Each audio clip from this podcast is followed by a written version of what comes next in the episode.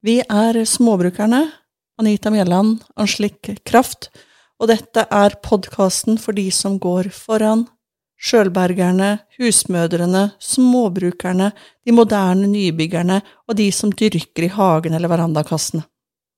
Hvis du er klar for å booste matsikkerheten din og leve en mer hjemmelagd livsstil, vel, da er dette podkasten for deg.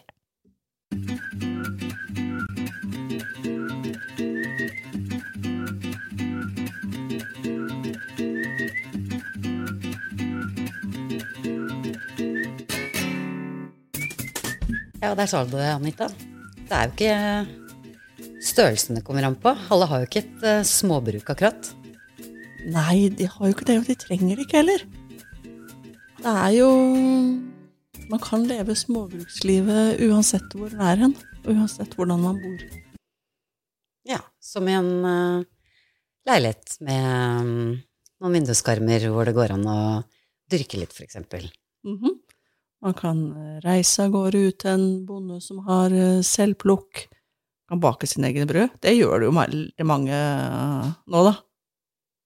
Det er jo Er det noen som ikke prøver seg på surdeigsbrød?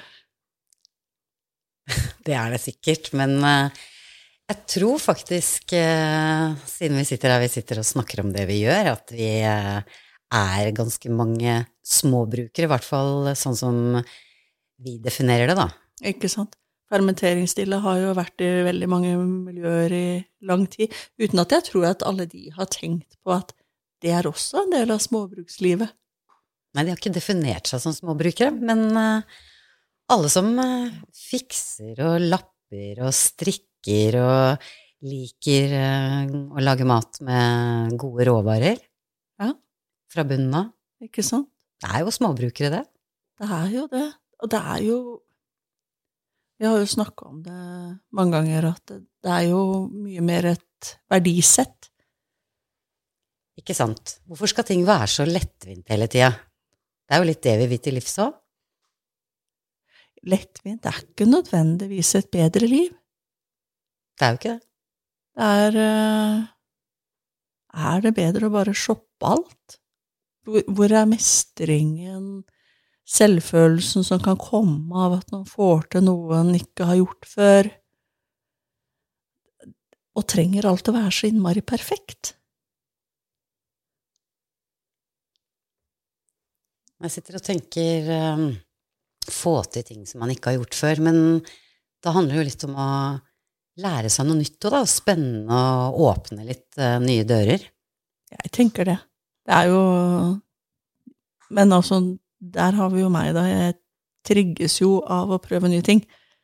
Noe rastløs og kreativ eh, driver jo litt mer i den retningen, mens andre kan jo elske å holde på med det samme igjen og igjen og igjen. Og det er jo også helt i orden. Absolutt. Hvordan havna egentlig vi inn i småbrukerlivet, da? Ja altså, For meg så ble det jo mye da jeg kjøpte meg hage, og så overtok jeg huset etter eh, bestemor. For det syns jeg er litt gøy. Du kjøpte hage først, du. Jeg gjorde det. Og egentlig var det ikke en hage heller, det var en, en boligtomt som vi måtte søke kommunen om å slippe å bygge på. Er, noen gjør det bakvendt, ja, jeg vet det, men, men, noen ganger er det sånn at hvis man skal få til det man ønsker seg, så kan man ikke nødvendigvis tråkke den vanlige stien. Man må lage en ny sti. Men er det litt sånn da, Anita, at du eh, du hadde det på tegnebrettet ganske lenge før eh, du faktisk fysisk flytta? Ja, jeg hadde jo det. Jobben begynte jo før, jeg, før vi flytta. Og det er eh, Men det er helt, helt fint. Eh, sånn at det er, det er struktur oppi det ustrukturerte her også. Så kjøkkenhagen havna omtrent der som jeg tegna det inn Frukthagen er der jeg tegna den inn. Det, mye er sånn som jeg planla for 15 år siden. Så det er, uh, morsomt å se på gamle tegninger og se at det, det er jo faktisk det som jeg ønska meg den gangen, som jeg har nå. Bare kanskje enda bedre. Ikke sant. Kan ikke du beskrive litt uh, hvordan det er hjemme hos deg, da? Hjemme hos meg det er jo et uh, hus fra ca. 1850. Uh, og jeg har et eh, ganske stort uthus fra ca. 1955. Eh, da pappa vokste opp der, så hadde de gris i uthuset, og det var selvfølgelig utedo. Eh, mye har forandra seg siden jeg overtok. Eh, det er blitt en del flere strømkurser, og det har blitt ordentlig bad og med vaskemaskin og fine ting og sånn. Eh, så altså, så er det jo det at dyrking, høsting, konservering, hermetisering og baking og alle de tingene der syns jo jeg er gøy. Uh, og så driver jeg lærer meg å sy, og så strikker jeg litt, og så hekler jeg litt. Og, og så høres det veldig, veldig mye ut. Men er ikke så vilt som det kan høres ut når jeg ramser opp. Så selv om jeg er midt i prosjektet Sjølberga i år, så, så er det relativt overkommelig. Ikke sant. Men uh, du har jo en datter også, og jeg uh, husker jo Du fortalte når du flytta inn i det huset, så var jo det uh, ganske sånn på vinterstid. I hvert fall hadde ikke våren kommet til Kragerø. Det var en alvorlig istid i Kragerø det, det året der. Da, vi bor jo i Kragerø. Um, uten at denne podkasten skal handle så himla mye om Kragerø som sådan. Men den vinteren lå jo isen ut til Jomfruland. De kjørte bil til Jomfruland på isen. Uh, det var fullstendig kaos i håndverkerbransjen. Jeg måtte ha strøm, jeg måtte ha vann. Eh, vi måtte ha et bad og alt mulig sånt som gjør det funksjonelt for eh, vår generasjon. Eh, og det varte og rakk. Og det var så kaldt. Eh, og det var så kaos. For det var fortsatt masse ting som ikke tilhørte meg i huset, og vi måtte inn med våre, litt av våre egne ting. Og så vi gikk et halvt år uten vaskemaskin og uten dusj Uh, dusja i treningssenter og idrettshall og venner og kjente og familie og sånn. Og det samme med klesvasken, så livet var godt da vi fikk bad og vaskemaskin igjen ca. et halvt år etter. Da vaska jeg klær i en måned eller to. Helt vill. Men inntil da sånn litt der som ingen skulle tru. ja. Altså, det, det, vi, vi levde jo sånn, selv om det var midt i et gammelt kommunesenter eh, i Sannidal, den gang Sannidal kommune, som er en del av Kragerø, så masse hus rundt. Eh, det var bare livsstilen akkurat der og da var litt sånn som ingen skulle tro at noen kunne bo. så jeg har prøvd det, den der litt ekstreme livsstilen som mange fremstiller um, småbrukslivet på i NRK og rep diverse reportasjer i medier og sånn. Går an å leve det litt mer behagelig, altså. Og nå bugner det jo både inne og ute, og i skap og spiskammer, så du har jo til og med sånn eh, matbodkjeller, du, fordi du har et gammelt hus. Ikke sant, jeg har den gamle potetkjelleren, jeg. Men det går mer enn poteter der. Og gulrøtter, løk og sånne sylta agurker og syltetøy og sånn. Det er veldig fint vin òg. Lem i gulvet på kjøkkenet. Det er det man skulle hatt. Det er det man skal ha. men, men nå er det jo sånn, nå har jo du et småbruk, da? Ja, det har jeg. Riktignok så har det fungert som uh, fritidsferiested uh, i uh, 40, 50, 60 år. Men uh, opprinnelig så uh, var det et småbruk med en hovedhus, bryggerhus og låve. Eh, beliggende på en øy som heter Bærø i Kragerø-skjærgården. Eh, faren min er jo født og oppvokst på den andre siden av øya, og eh, de dyrka jo ganske mye der også, men eh, hos oss så Det som ligger igjen sånn på det, der hvor vi er på det feriestedet, det er eh, det er jo rester etter at det har vært en åker der, og der har de jo dyrka ting. Mm. Uten at jeg, jeg kan ikke så veldig mye om det. Men um, matkjeller er det, og det står eh, masse gamle glass og ting som man har sett at eh, ting har vært eh, ja, konservert og lagra og gjort. Så det er liksom Det som er igjen av det gamle småbruket, er den, den kjelleren under huset. Ellers er jo ting restaurert i hytte, men det hadde gått faktisk helt fint an å realisere det. det jeg har jo sittet på trappa der mange ganger og tenkt åh, tenk å kunne flytta og bodd her ute og levd av eh, den gården. Mhm. Og i sommer så, så det, det høres litt fælt ut å si det sånn, i og med at jeg ikke hører til husholdningen, men vi bestemte oss for at du skulle begynne å dyrke der.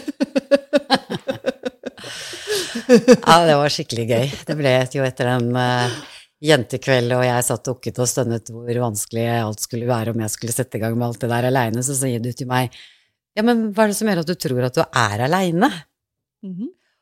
Vi lager en potetåker. Men før det så må vi jo få til jord, da. Ja. Og um, få vekk alt som er over der. Men da kom jo du opp med en litt sånn altså gammel, gammel metode. Unnskyld? Eh, ja, nei, men altså, vi, vi, vi begynte jo å brakke jorda, da. Legge over eh, Legge papp rett ned på gresset der, og så presenninger over. Og så langt har vi kommet nå. For der, der skal gressrøttene dø. Mhm. Og så skal vi se hva som skjer. eh, Det kan jo hende at det tar enda lengre tid òg, men eh, vi skal se hva som skjer til våren. Jeg kommer til å sette noen poteter. Ja, altså, sjansen er vel stor for at vi er nødt til å grave litt. Det er det. Og da har vi jo Um. Det har jeg glemt å si, for vi har jo et sånt uthus der òg, med ljå, faktisk, og sånn eh, møkkagreip, og jeg har jo egentlig ganske masse fine, flotte, gamle redskaper som jeg ikke har brukt.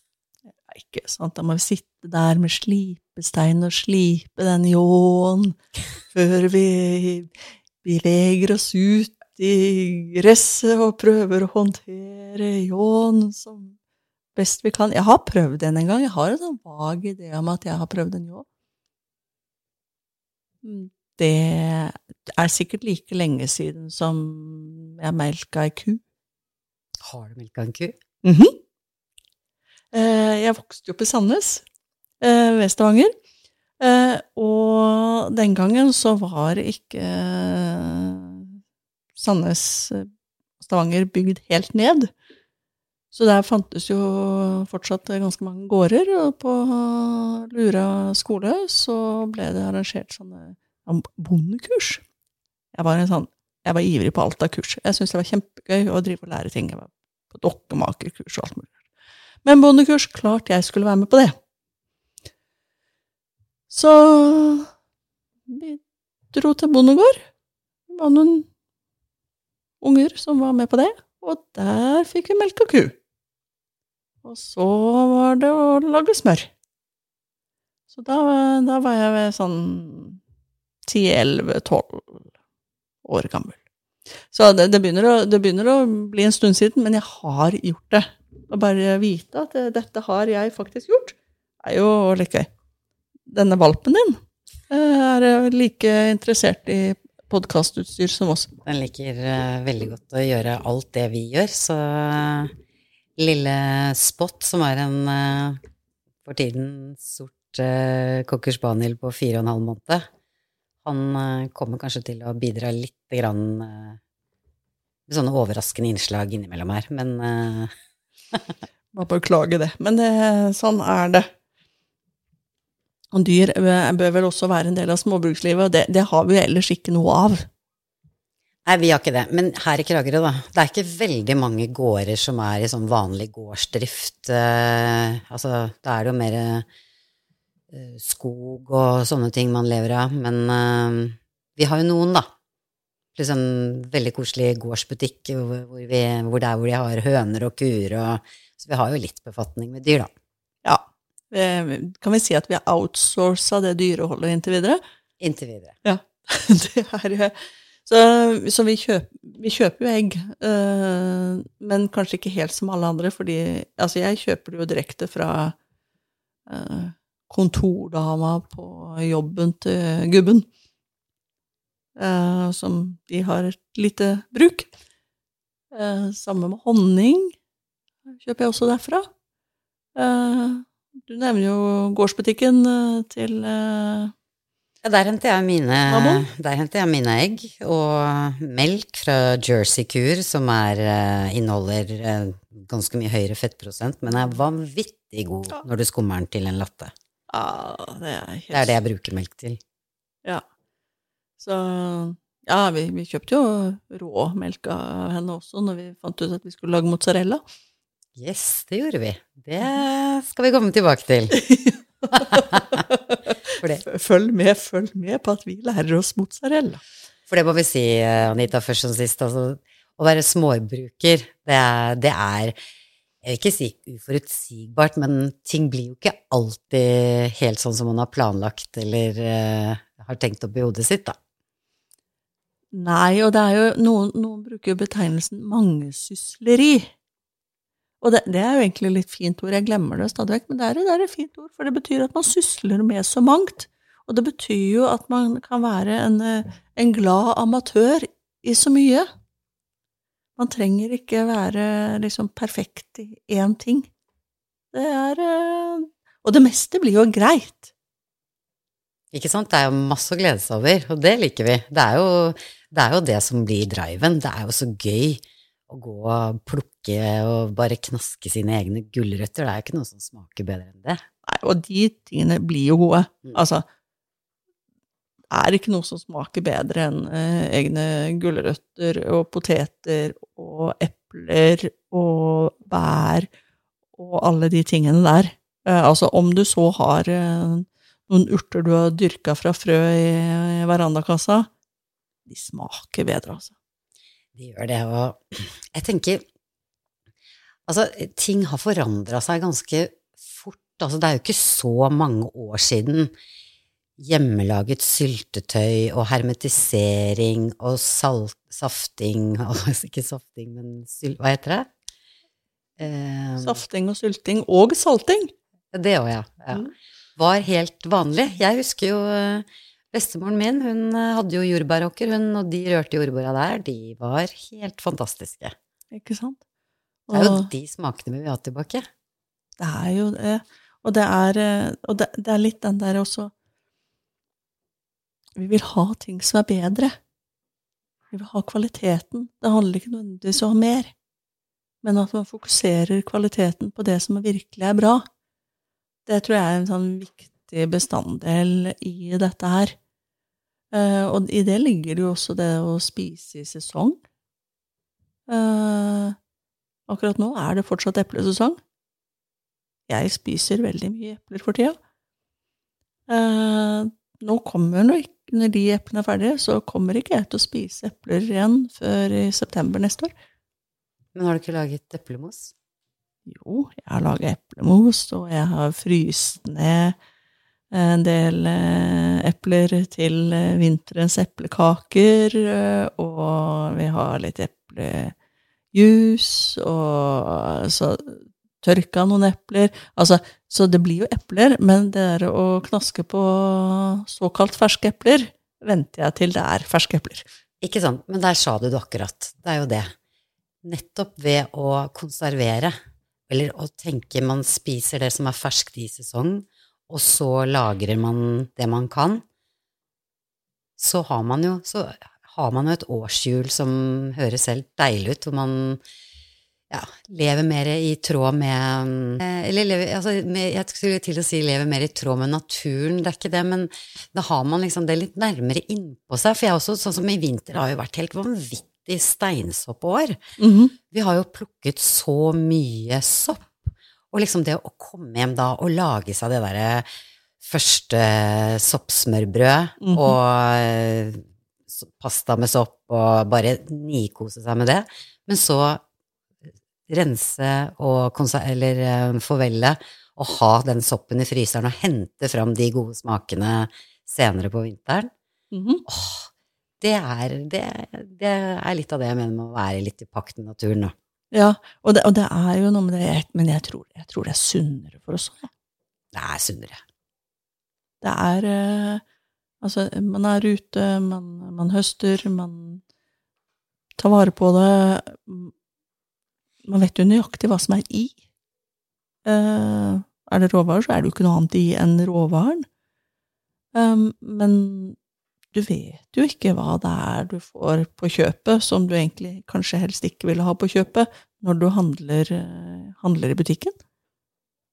Så derfor tror jeg, tenker jeg også at det må jo være mye sunnere for oss og bedre for oss å spise det som, som er i sesong, da. Så nå skal det jo sies da at vi er jo ikke ekstremister. Det vil jeg ikke kalles. Nei, altså, og, og, og vi drikker kaffe og te og vin og eh, sånne, sånne type ting. Og det er jo vinteren i Norge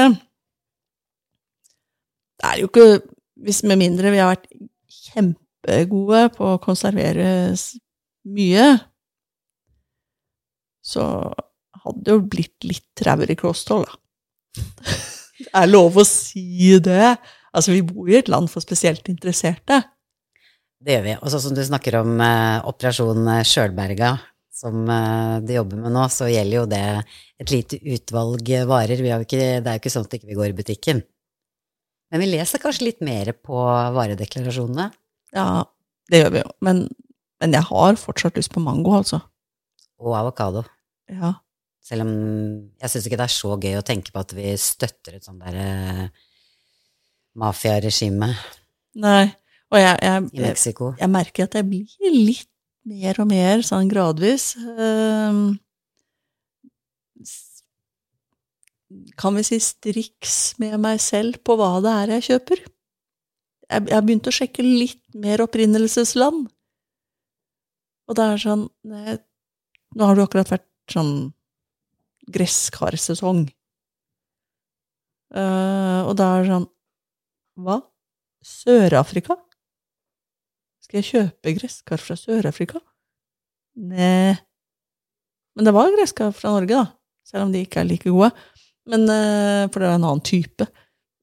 Jeg endte med å- la være å kjøpe, men, men, men det der med å faktisk sjekke opprinnelsesland Og ikke kan jeg noen ting om sprøytereglementene i Sør-Afrika.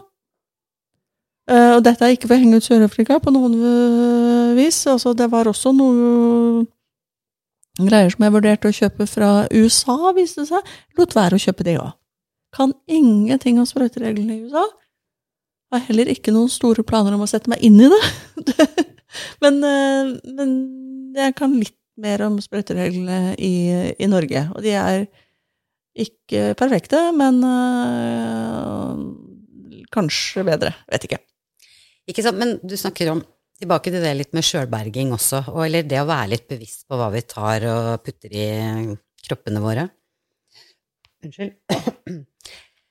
Eh, Det er ikke så lenge siden det var sånn eh, beredskapsuke. Og det, det jeg tenker på da, altså liksom hva vi burde ha i hus, og hvordan Altså litt den overordna, litt sånn filosofien. Én ting at det er gøy, og det er mangesysleri, men det er på en måte litt Altså den, den bevisstheten om at vi kan dyrke og eh, leve veldig godt av veldig mye ting vi har her, og være stolte av det, og finne Altså eh, foredle det på forskjellige måter, da, og lage gode retter med ting vi dyrker. Mm. Det er jo Den tanken òg syns jeg er god. Ikke bare liksom jobben det er, men litt sånn at det går an, da, å ikke være så klin avhengig av at man må eh, handle og importere alt. Mm. Og det, altså, nå er det sånn Vi er ikke amerikanske preppers. Eh, bare sånn så det er sagt, altså. Men, men, men, men, det er jo lov å tenke litt lenger enn til neste måltid. Eh, så det å sørge for at eh, en har noe i et spiskammers, eller et skap hvis du har litt mindre plass, eller eh, i en skuff under senga, eller i bånn av klesskapet Altså, det er mange steder du kan ha spiskammerset ditt. Uh, og at den har, uh, har noe hermetikk, har noe mel, har fett, altså har salt, har de derre tingene som en trenger for å kunne lage seg noe uh, god mat. Og jeg tenker mer enn tre dager, altså. Tre dager er ganske kort tid beredskap. Det er, det er jo det som anbefales, men jeg tror jeg skulle klart meg lenger. Ja, og når du sier det, altså jeg, jeg tenker jo altså det skulle du nok med en halv gris i fryseren som du akkurat har kjøpt. ja. Jeg vet ikke hvor langt jeg kommer med de der urtene som jeg dyrker, og de tomatene som jeg har uh, sylta. Nei, altså, der, der detter jo dette det litt sammen med den urtehagen på, på en veranda eller uh, i en hage og sånn. Altså, men, men, men, det er jo fortsatt lov å, å kjøpe noe, da. Altså, vi, vi, har nevnt gårdsbutikk. De selger jo poteter og gulrøtter og kålrabi og selleri og sånne type ting, som er klassiske norske eh, rotgrønnsaker som holder seg gjennom vinteren eh, hvis de oppbevares eh, kjølig eh, på et sted hvor det er litt sånn luftbevegelse. Eh, så, så, så, kan man jo kjøpe det. Og da støtter man lokale bønder, og i tillegg så har man en egen eh, beredskap eh, klar.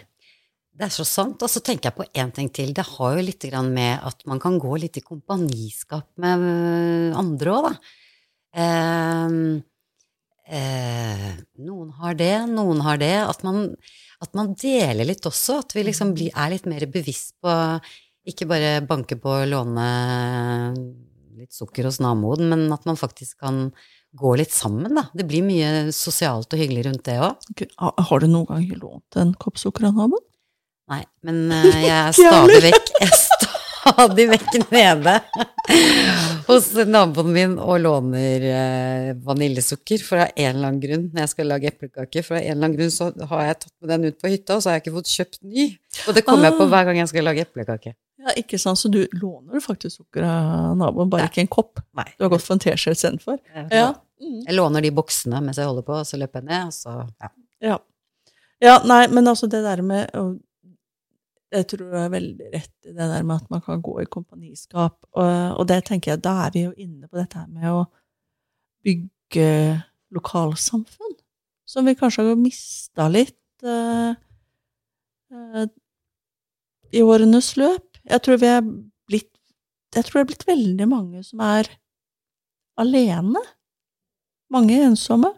Eh, men, men at en sitter og føler at eh, jeg er den jeg overdriver litt, den eneste i verden som er interessert i dette her. Og det er jo noe av det vi har eh, egentlig oppdaga stadig mer, at når vi har begynt å tørre å prate om dette her, altså småbruksdyrke, fikse, lage sjøl-livet, så oppdager vi at oi, fysioterapeuten er jo et råskinn på dette, er jo mye mer dreven enn det jeg noen gang har vært. Lærer jo masse. Jeg anbefaler å gå til fysioterapeut, folkens. Eh, mye av de.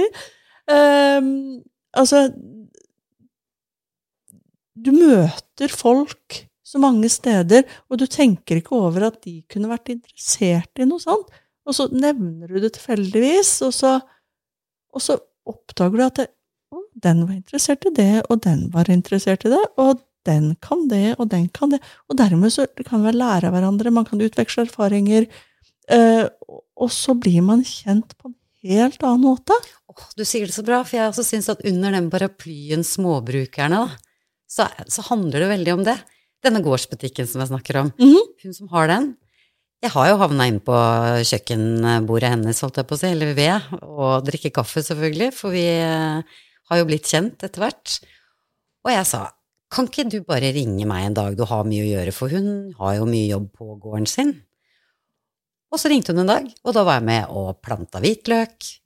Ikke bare lærte jeg det, holdt jeg på å si, det er ikke det at det var så veldig vanskelig, men den jobben det tok, og den herlige skravlen om livet og utfordringer og eh, ting vi sliter med, som også hører med det. Det er jo, det er jo egentlig sånn eh, Gårdbrukere eller folk som bor i mindre samfunn, har jo alltid vært litt avhengig av hverandre og delt og hjulpet hverandre. Så når jeg satt der ute og sutra på den uh, hytta mi og sier at jeg kommer jo aldri til å komme i gang med noe her ute, så kommer jo du løpende til å si hvorfor kan du ikke bare spørre om hjelp, da? Ja, og det er jo også noe vi er Ingen av oss to pleier å være innmari gode på dette med å spørre om hjelp. Stadig bedre. Vi øver. Vi øver. Ja, eh, og det øve er viktig her. Eh, men, men det der med å være sjølberga, bare litt videre på den Det er jo ikke sånn at man trenger å være sjølberga alene. Eller helt sjøl. Vi kan jo være sjølberga sammen. Eh, og det, det tenker jeg er viktig, for ingen kan gjøre alt. I hvert fall ikke bra. Jeg er veldig glad jeg slipper å være helt avhengig av de der sellerirøttene mine. De er mindre enn golfballer. Og i, og i overført betydning så er jo sjølberging faktisk å klare å ta vare på seg selv, da. Ja, Ikke bare hva du putter i munnen. nei. Vi skal berge oss selv. Det er det vi skal. Vi liker å leke med ord, det har dere sikkert skjønt. Ja, verre skal det bli. Eh, Men det, det er så Men det er noe med at eh, vi er inne på en helsegreie også. For det å, det å holde på i jord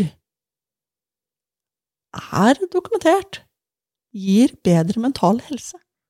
Det utløser noe, sikkert noe Det er endorfiner eller et eller annet sånt. Sier du nå, altså det rent fysiske å stikke fingeren i jorda, at det Aha, Er det det det er forska på? aha, Som gir bedre helse? Hm. Terapihager eh, oppstår ikke i ordinært helsevesen eh, udokumentert. Da er det ikke synsing lenger. Så det med i terapihagen så er det både det å ta i jord, eh, men også det du får gjennom de andre sansene ved å ta på planter, lukte de, se de, hele den derre sulamitten der gir en bedre mental helse. Ja, men det gjør jo det samme som å være ute i naturen. Mhm. Sitte og se utover havet. Være ute. Mm. Og du er jo sånn uh, friluftsmenneske òg, du. Jeg tror egentlig det, det var litt sånn um, eh, Livet mitt tok en litt ny vending når jeg eh, kjøpte kajakk. For da begynte jeg å være veldig mye mer ute på tur, og um, ikke minst um, eh, Ikke bare i kajakk, men eh, da, da tok det jo litt av på sånn friluftsliv, og eh, kjøpte telt og hengekøy og begynte å dra på både korte og litt lengre turer og var mange dager ute. Og den, det enkle livet der, det må liksom komme, finne et sted ved et vann, slå opp telt, sanke ved, knote og lage, eller ikke knote, men det er jo liksom veldig sånne Du skal jo bære på ting også når du er på, eh, ute i naturen. Så du sitter og lager mat og liksom bare Det handler egentlig bare om helt sånne basale, nære ting som ga så utrolig lykke. Det fikk meg til å begynne å tenke at eh, eh, burde kanskje dra hjem og eh, kvitte meg med litt av all den der, det rotet som bare skaper rot i huet hjemme òg. At jeg ikke trenger så innmari mye, men det jeg trenger, det, det har jeg lyst til å gå inn for og konsentrere meg om. Mm. Jeg beklager litt distrahert av denne valpen som vi har eh, jakka med. Sånn. Og du tror han kommer til å gi seg, du? Optimisten. Uh, det er så Nå går han til deg. Uh, vi må bare beklage, men uh, lille Spot vil gjerne ha oppmerksomhet. Han er jo for øvrig litt vårt frilufts- og sankealibi, da. Vi har jo pla store planer for denne hunden. Eller jeg har store planer for din hund. Han skal bli kantarelljeger. Det er en kantarelljeger i en sped. Eh, og kanskje Tenk hvis vi hadde fått han til å lære seg disse trøflene. Da må vi først vite hvor det er, men eh, kanskje det er noen som kan tipse om, om hvor vi kan lete etter trøfler. For det fins i Norge. Dette har vi lest. Har ikke peiling på hvor. Eh, men det er, så, det er en del av de tingene vi, vi lærer.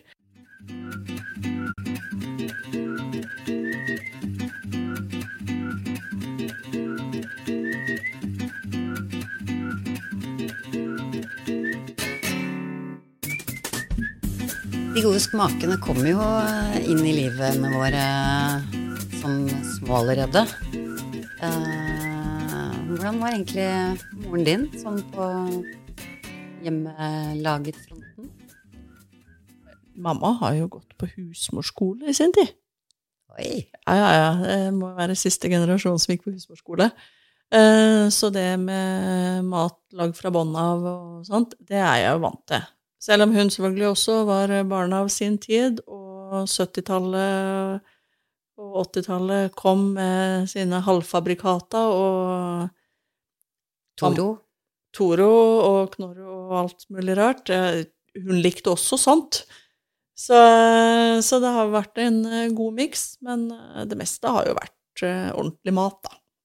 Det jeg kaller mat. Så, men, og hun, hun drømte jo for så vidt også om å bli bondekone. Eh, hun håpa jo på at pappa var bonde, da. Eh, hun kom jo fra, fra Oslo, mamma. Så hun trodde jo uthuset var en låve. Eh, der hang jeg henne ut. Beklager, mamma, men det er en velkjent historie. Så, men hun ga jo ikke slipp på den drømmen. da, så når vi bodde i Sandnes, pappa jobba i olja, så leide jo mamma en parsell. Rett og slett en Det var et svært jorde som var pløyd opp, og der leide de ut jordstykker til folk som ønsket å dyrke selv. Ikke sant, det som er blitt så populært nå. Ja, så det, det gjorde mamma da på, på 80-tallet. Uh, var kjempefornøyd og dyrka alle de tingene som uh, var dyre. Så det, hun, hun, vurderte det ut fra det. Uh, så det var, det var, en del av greia. Da kjøpe godsaker dyrka på, på ordentlig måte, sånn hun oppfatta det. Så det jo, var jo gøy. Mm. Så det, men, men der kommer vi inn på dette med Vi har jo litt sånn Oslo-bakgrunn, og vi får litt sånn historier om hvordan det faktisk var på i Nordmarka før i tida. For det var ikke helt som nå. Nei. Det, det var for å sanke og høste og plukke og ta med hjem. Mm -hmm. Hele familien med sekker og spann. Ut på tur. Jepp. Og få det med hjem så mye en kunne bære. Og så var det safting og sylting og, og konservering også for de som bodde i to-treroms eh, leiligheter i, i, blokker i, i Oslo. Så, så, så, det der med, med, plass har ikke vært noe hinder før. Eh, og det er jo ikke noen grunn til at det skal være hinder nå heller. Ikke sant. Så hvis man bare tenker over hva det er man ønsker, hva det er man virkelig ønsker, så, så kan en få til veldig mye Kanskje en ikke trenger fullt så fullt klesskap med klær. Kanskje deler av klesskapet skal brukes til eh, mat du har eh, konservert og, fra bånn. Eh, ikke vet jeg. Eh, du har jo også litt eh, bakgrunn fra, med bestemødre og mødre og sånn, som gjorde ting. Jeg måtte le litt når du sa det med, når du sa det med mammaen din som drømte om en uh, bonde. Fordi uh, moren min ble jo da frakta ut på denne øya når hun skulle være med min pappa hjem. Og hun ble jo aldri noe annet enn bydama, for hun, hun kom jo med drakt og høye hæler, hun. Hun kunne safte og sylte, men uh, Hun eh, Ja, de hadde ikke hatt sånn derre supergod råd når hun vokste opp, så jeg tror hun, eh, hun var av en litt mer strebete typen som ville komme seg litt opp og fram og kjøpe. Ja, ikke sant? For det, det ble jo en greie. Det, det å kjøpe maten som ble ferdig, det ble jo et statussymbol Mm. eh, i starten. Det derre med å dyrke sjøl og safte og sylte selv, det ble litt sånn Litt fattig. Altså jeg, jeg har fått litt det inntrykket opp gjennom årene at det, det er det det ble, og det, det er jo så, trist, fordi det, det er jo det som er den virkelig gode maten, og vi, vi har gått glipp av mye. Ja, men tilbake til min mor. Hun var jo utrolig flink til å lage mat. Og hun var veldig opptatt av de gode råvarene. Men eh, det var å gå til slakteren og ostebutikken og kjøpe pålegg i hektovis og få det skåret opp og eh, smakt på først før hun bestemte seg og sånn, som hun eh, satte pris på, da. Men eh, hun var veldig opptatt av eh, at det skulle være mat fra bunnen. Ikke sant? Men du, har du lært det derre de, Den kunnskapen om for eksempel kjøtt som hun hadde, altså det er jo når man er hos slakteren eller i fiskebutikken, og får vurdert Å vite hva det er hun skal vurdere? Nei, ikke sant. Da kan du se. Hun kunne det. Og jeg var jo Ja, For det kan mamma òg, men jeg kan ikke. Nei, ikke sant. Det er liksom eh, ja, det, er så, det er jo så utrolig masse kjøttstykker, og hvordan det Og de, de sto jo og pekte, de skulle ikke ha den og ikke ha den, og skjære vekk fett. Altså sånn De var jo veldig, veldig bevisste på hva, hva de kjøpte, for, de kunne det jo. Mhm. Ja, det, jeg husker jo mamma drev og hadde sånn fast eh, butikk hvor eh, slakter som kjøpte kjøttet. Det var jo flaut eh, for en eh, i oppveksten å være med på det, for det var sånn Nei, du har ikke noe bedre, da.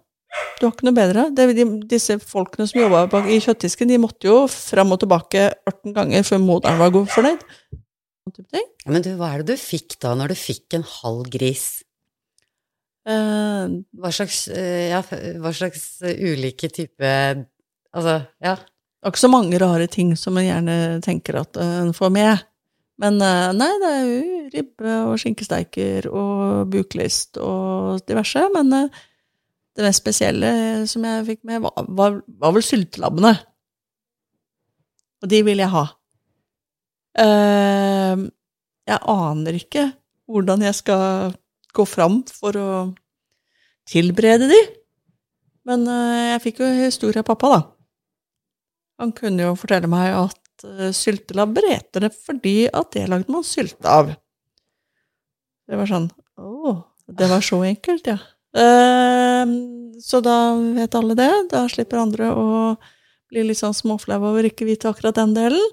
Eh, og utover til sylte så ble det gjerne spist sammen med større mengder akevitt. Så det er eh, Og da hadde de en egen tallerken, disse karene som satt og spiste det her, og drakk den akevitten, så hvor de la alle småbeina. For det er mye småbein, eh, lærte jeg da, nederst i disse labbene, for det er jo Det er jo foten og ankelen.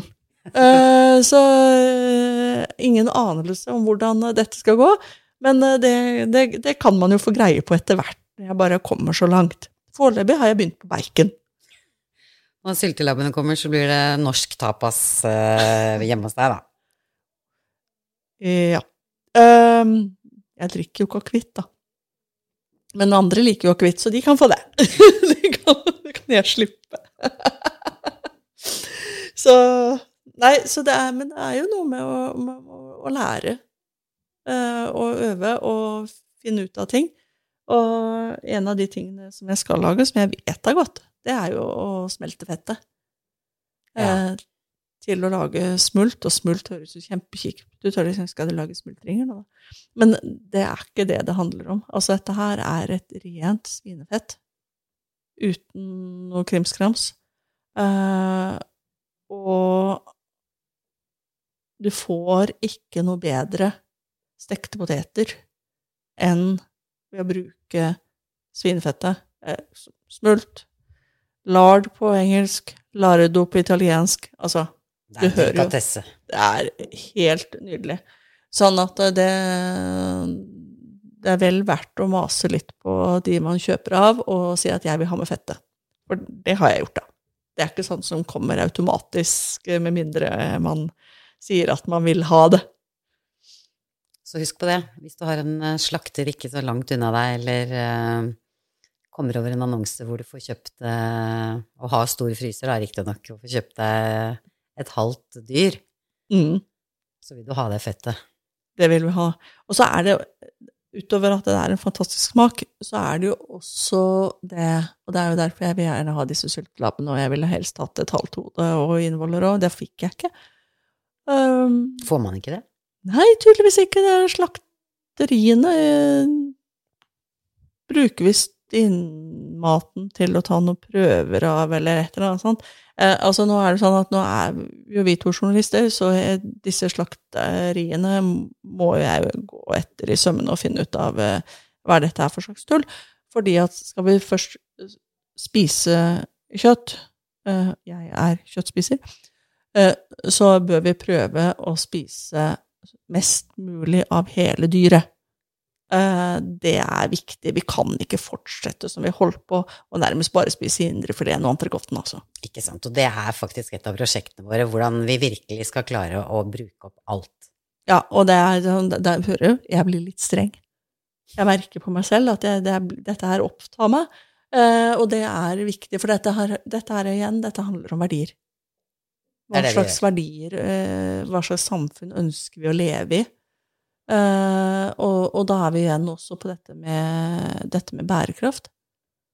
Uh, dyr har jo fått fryktelig mye skylda for, at, uh, for klimaendringer og sånn. Altså, i, i Norge så er det Med mindre man skal importere en hel drøss, ja, da er det, da er det rot, rotfruktene, det, folkens. Utskjelte poteter og kålrabi og gulrøtter og løk og hvitløk og kjøtt og fisk eh, man kan spise. Det er akkurat det, og gjerne da et kjøttstykke som du ikke har brukt før, som du bare husker å koke lenge nok sammen med alle disse fantastiske grønnsakene Mhm. og urter. Så blir jo det så god mat. Og så er det ikke mer arbeid. Det er til og med mindre arbeid enn mange av de andre rettene. Det er bare det at det må stå lenge nok på ovnen. Og nå er det sånn at det er sikkert noen som tenker at hva, skal jeg ha noe stående på komfyren hele dagen med disse strømprisene? Jeg er enig, det kan få enhver til å bli litt engstelig. Men hvis du har vedom og her er liksom clouet, da. Har du en vedom og ved, og du uansett er hjemme og skal fyre, så sett den gryta på vedovnen. Da får du jo kokt kjøttet og holdt deg varm samtidig.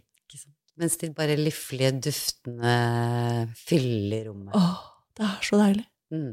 Og det er så tilfredsstillende.